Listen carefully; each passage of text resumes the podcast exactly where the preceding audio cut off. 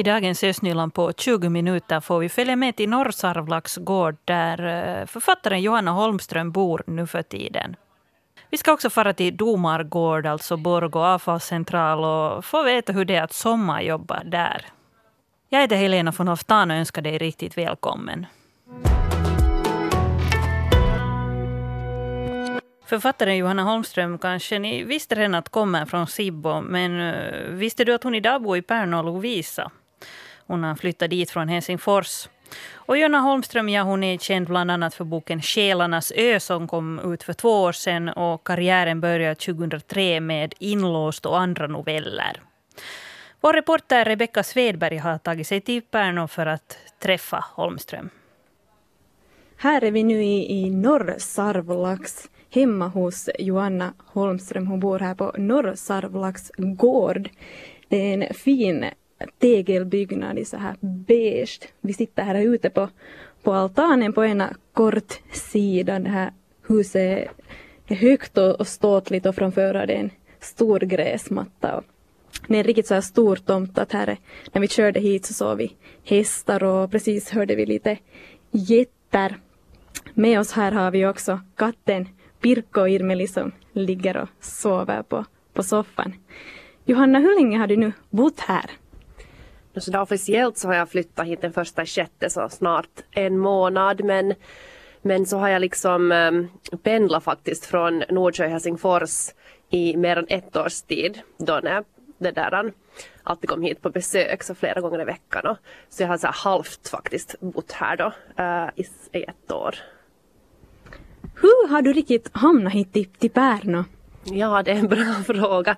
Ja, det var väldigt kärleken som förde hit mig antar jag. Alltså jag träffade en, en man som, som nu råkar bo i ett, ett stort hus och, och har en massa djur så, så det där så började vi sällskapa och och sen när vi började prata om att flytta ihop så var det ju kanske då lite omöjligt att ta med sig hästarna och getterna och katterna och hundarna dit till Helsingfors. Så det blev alltså då jag och mina barn som fick, fick flytta hitåt. Och här finns ju utrymme så det var också det var ganska avgörande.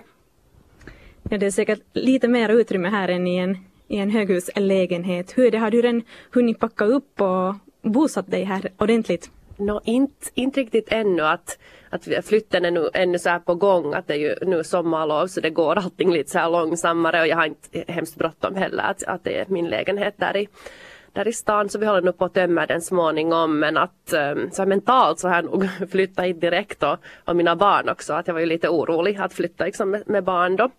Men eh, de vill ju inte tillbaka till stan och ehm, det här just med utrymme så alltid när jag åker tillbaka dit till lägenheten i, i stan fast den nu inte är helt jätteliten så känns det ändå sådär som att nej, att nu det här är ju liksom en skolåda jämfört med, med att ha mycket utrymme. Så jag blir också ganska snabbt riktigt bortskämd med att ha liksom flera rum och kunna röra sig och inte hela tiden behöva se andra och liksom ha lite eget, eget rum också inomhus. Du är ursprungligen från Sibbo och så har du bott länge i Helsingfors och nu är du då Pärnobo. Skulle du redan säga att du känner dig som Pärnobo eller? Nej, jag vet ju inte alls uh, vad det innebär. Alltså jag, jag känner inte så många här och jag vet ingenting om den lokala kulturen. Så, så jag vet inte riktigt. Um, fast jag själv också kanske skulle börja småningom känna mig som en Pärnobo skulle säkert andra säga att jag inte är det. Men, um, men jag är ju östnylänning ändå. Sibbo räknas väl ändå så här just och just dit. Uh, så, så det känns det jättebekant, liksom så här hem, hemvant på något sätt med med dialekten och liksom hela, hela på något sätt så här känslan och livsstilen och, allt det där. Att det känns jätte sådär.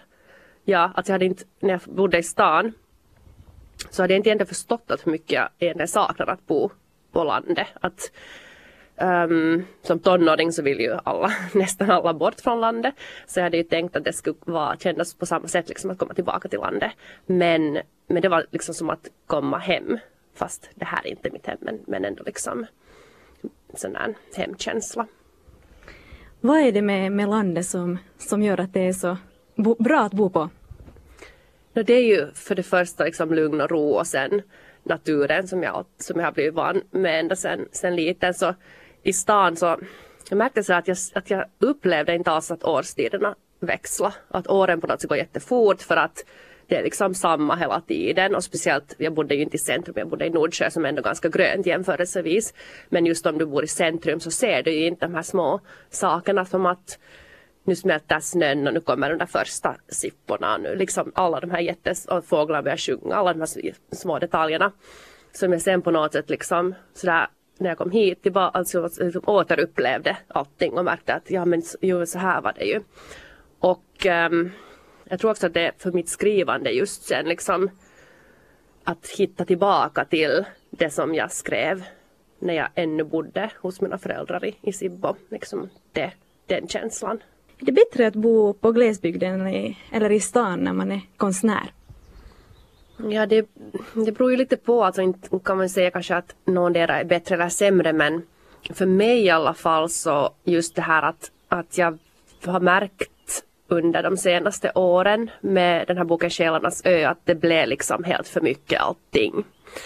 Och det som jag ville var då att, att på något sätt um, få livet kanske att bromsa. Och det märkte jag sen när jag då kom ut hit till, till landet att, att det händer liksom helt oundvikligen för att du kan inte bara spontant hoppa på bussen och fara liksom och träffa dina kompisar in till, till centrum och ta en kaffe eller en öl eller vad som helst. Det går inte. Så alla de där på något sätt så här roliga men onödiga äh, träffar och sånt så faller ju bort nu. Och det blir liksom så att, att äh, jag behöver mycket tid för att fundera och förstås när jag skriver. Jag tror att alla fattar det här samma sak att, att mycket av det här skrivandet så händer inte vid datorn utan inne i huvudet medan du gör andra saker och så här. Så det har jag på något sätt fått äh, tillbaka och jag har inte liksom det har faktiskt skrivit här men jag har tyckt att jag inte har skrivit. Uh, och sen plötsligt så märkte jag nu att jag har, att jag har, jag har en novellsamling färdig. Och det har inte liksom känts som att jag skriver. Och det var kanske det här som jag ville ha tillbaka som jag tycker att var på något sätt när jag började, när jag var så pass ung ändå där i början av 20-årsåldern. Ett sånt jättemödolöst skrivande som bara händer på något sätt liksom av sig, nästan av sig själv i sidan om allt annat. Det är inte så liksom svårt. Så, så den, just, just det här var någonting som jag hoppades kanske på att men det har varit lättare än jag hade tänkt faktiskt. Ja, intressant. Det är ju så att, att det händer ju kanske inte lika mycket här som det händer i staden. Får man tillräckligt med inspiration bara av att vara här? Ja, för att jag skriver ju faktiskt mest utgående helt från fantasin. Så det är ju, eh, ju mindre det händer desto bättre är det ju för fantasin. Att jag måste ju själv då hitta på, hitta på action saker, någonting liksom så här. Um, så just det här med att det finns mycket mindre distraktioner så är bra och sen det att just det här med att naturen är så nära så i stan på något sätt att om du ska fara någonstans, liksom vill gå ut, vill gå till naturen, du måste liksom ta dig dit. Men här är det bara att du kan gå ut när som helst och det, det finns där. Så just det där att gå på långa promenader och medan jag funderar liksom och skriver då inne i huvudet så det, det är ju nog mycket lättare här. Du har i dina tidigare böcker haft så specifika platser som det har handlat om. Tror du att du kommer att använda det, det här stället, det här Norrsarvlax gård som någon slags plats i någon av dina kommande böcker? Jo, jag tror att det säkert kommer att gå så för att det är ju, uh, jag blir ju inspirerad av det som finns omkring mig. Ehm, um, nog kanske mindre av stan än av landsbygden. Jag funderar att här skriver jag endast stadsroman men ja, Asfaltsänglar så var ju nog ganska, eller, väldigt inspirerad av, av Nordsjö där jag bodde då också.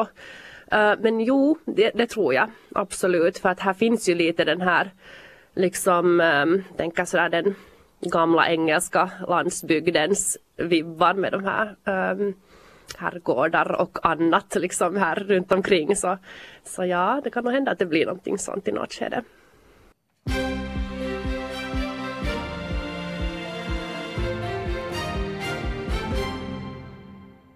Jag heter Mira Bäck. God morgon.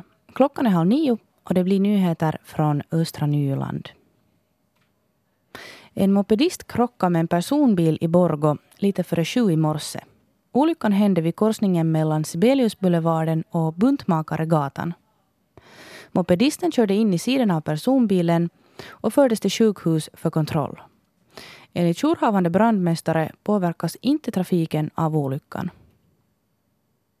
Och Kokons slalomcenter fortsätter sin verksamhet över vintern trots att hyresavtalet går ut i september. Koncepttävlingen för Västra Åstranden i Borgo avgörs så pass sent att det annars skulle ha blivit uppehåll i verksamheten. Som en del av koncepttävlingen söker staden nya aktörer som vill driva slalomcentret. Till kontraktet om att Kokon Sport sköter verksamheten ännu i vinter hör att staden ska betala 50 000 euro till företaget. Det här är ersättning för värdenedsättningen av företagets anordningar under säsongen. Man kommer inte heller att ta ut någon arrendeavgift för säsongen. Beslutet togs av stadsstyrelsen igår. Vid Näse skolgatan i Borgo byggs ett område för av och påstigning för eleverna samt en parkeringsplats. Arbetet startade igår och pågår fram till mitten av augusti. Arbetet kommer att medföra avvikande trafikarrangemang men trafik till fastigheterna är möjlig under hela arbetet. Gatans nya trafikarrangemang ska vara klara till skolstarten.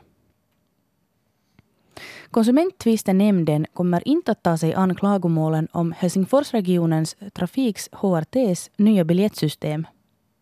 Några tusen personer har kontaktat konsumentombudsmannen på grund av de nya biljettpriserna i Östersundom. De anser att biljettpriserna har höjts rejält. Konsumentvistenämnden meddelar ändå att de inte har makt att behandla HRTs biljettförnyelse. Projektet Sikta mot stjärnorna fortsätter i Lovisa. Staden har fått fortsatt finansiering för verksamheten fram till slutet av året. Inom projektet utvecklas modeller för att stödja undervisningen, särskilt för begåvade elever. Tuula Ominne fortsätter som projektledare för den svenskspråkiga delen av projektet och Anna Palasma ska utveckla det finskspråkiga projektet. Nu när sommaren är här så har ju många, bör, många börjat med sina sommarjobb. Och en av dem är 20-åriga Karin Frisk. Men eh, hon säljer inte glass. Hon klipper inte gräs. Eh, hon jobbar på Domargård, alltså Borgo avfallscentral. Under sommaren så stiger ju invånarantalet i Borgå i och med att det kommer många sommargäster och därför är den här tiden på året extra livlig för personalen på Roskendrolls avfallshanteringsbolag.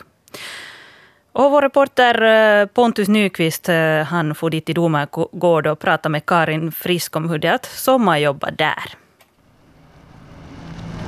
Jag är nu här på Domargård och här är en del bilar nu på väg att föra avfall och, men annars så är det ganska lugnt skulle jag säga ändå. Inte så hemskt mycket ljud för tillfället. Uh, med mig har jag Karin Frisk som är en ung sommarjobbare, 20 år gammal är hon. Och, uh, ja, kan du berätta lite, hur har det här sommarjobbet gått här tills? När har du börjat jobbet?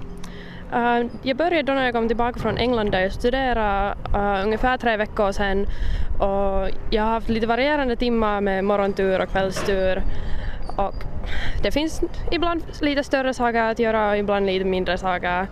Att om det är lite tråkigt så kanske man hittar på någonting. Du sa att du studerar i England. Kan du berätta lite mer om vad gör du där? Vad studerar du? Um, jag studerar i Worcester som är nära Birmingham och jag studerar att bli grafisk designer. Okej. Okay. Det är lite intressant, hur har du då kommit på att söka just till Rock'n'Roll för sommarjobbet? Mm. Alltså det är lite svårt att söka sommarjobb när man bor utomlands, man kan inte komma på intervjuer så jag råkade komma till Finland för två veckor och min mamma så hon jobbar med det här AP Opeisenointikeskus så via henne fick jag det här jobbet. Ja, jag tänkte just fråga för att det här med att jobba på en avfallshanteringscentral är kanske inte det vanligaste jobbet om man tänker på sommarjobb. Um, vad har du fått för kommentarer om det av dina vänner och just familjen? Um, jag har inte berättat till så många så uh, jag tror att mina kompisar vet inte. Men inte har det varit... Det är helt ok att ingen tycker något illa om det alls. Har det här jobbet då varit som du har förväntat dig eller är det här något som har överraskat dig? För det för, har du varit här förut för det första? Um, några gånger. När jag fick bil så har jag hämtat rosk och sånt. Men annars så, det var nog lite annorlunda att komma hit. För att jag tänkte att jag skulle bara sitta på kassan all, liksom hela dagen. Och så när jag kom här så satt jag inte på kassan för hela, hela första veckan. Vad har du då för arbetsuppgifter? Kan du berätta lite? Um, no, för liksom Först och främst så är det att hjälpa kunder och visa runt att vart allt ska. Um, annars är det just att tömma liksom flaskor i rätta sån här hållare. Um, och sen just flytta om det finns några stolar eller någonting av trä så de ska dit i trähögen och sånt här och metall ska i metall. Jag tänker uh, nu när vi står här så man känner ju ändå en viss sån här, inte, inte så illa, men ändå en viss avfallslukt här. Uh, hur har det varit att vänja sig vid det? Um, några dagar är det värre och som idag så är det ganska illa. Men um, det blåser här, vi är uppe, så det, det har varit ganska lätt att vänja sig.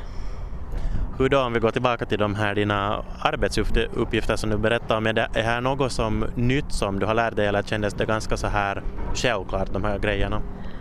Um, man har nog fått lära sig här när vi har den här som kallas för veikontti, alltså vaarallinen jäte. Så det har nog varit ganska roligt att liksom komma på själv att vad, allt, vad alla liksom medel är och vart de ska. Så det är ganska nytt åt mig. Vad är det alltså för sorts medel? Det är sådana här farliga kemikalier då eller? Ja, allt möjligt. Just att idag till exempel kom, hämta någon make och jag har ingen aning vart de ska. Um, men just att det finns lådor till allt möjligt dit. Just en okänd låda om man inte alls vet. För människor hämtar just i flaskor som inte har några etiketter alls och bara någon svart vätska som är oftast olja. Så skulle du säga att man blir bättre på att kunna sortera också hemma personligen? Jo, verkligen. Det är ju bra nu i de här tiderna när det är allt viktigare att vara så här miljövänlig. Hur är det då, vad skulle du säga att är det roligaste med ditt jobb? Roligaste uh, om man inte har något stort att göra är att gå igenom fast kylskåp eller mikron och liksom tömma dem av glas och hyll och metall och sånt här eller sen söka igenom elektronikkontin uh, för batterier och allt möjligt annat. Varför är det roligt?